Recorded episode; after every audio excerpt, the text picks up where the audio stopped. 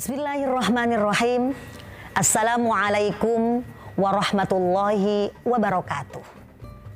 Alhamdulillahi rabbil alamin. Allahumma salli ala Muhammad. Amma ba'du. Sahabat salam. Wanita punya tugas ganda. Di dalam dan di luar. Di dalam adalah bagaimana kita mengamankan domestik rumah tangga kita. Setelah aman domestik rumah tangga kita, ini bagi rumah tangga sahabat salam. Kita boleh keluar rumah dengan syarat izin suami. Bagi yang punya suami. Bagi yang masih belum punya suami, izin kepada walinya. Sahabat salam, zaman Rasulullah ada seseorang yang bernama Sauda bin Zam'ah. Beliau keluar rumah, kemudian bertemu atau tatapan kepada Sayyidina Umar bin Khattab. Beliau langsung tegur, Anda Sauda kan? Betul sahabat Umar, saya Sauda.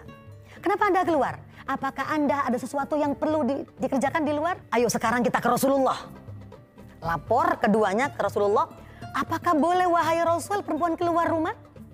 Langsung Rasulullah Allah kasih hadis yang berbunyi, Aku izinkan engkau perempuan keluar rumah dengan syarat ada kebutuhan yang sangat krusial, yang sangat mendesak.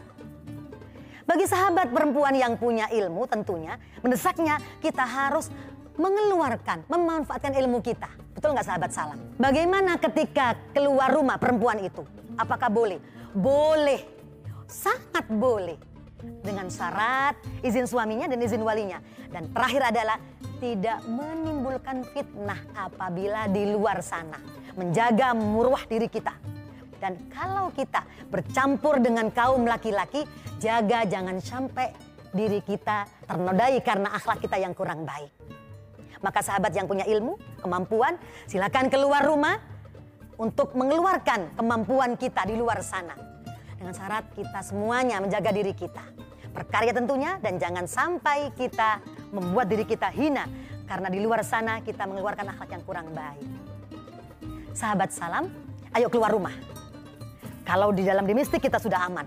Ayo keluar rumah kalau tujuan kita baik. Ayo keluar rumah kalau memang kita harus keluar rumah dalam mengamalkan ilmu kita. Demikian sahabat, semoga manfaat. Wassalamualaikum warahmatullahi wabarakatuh.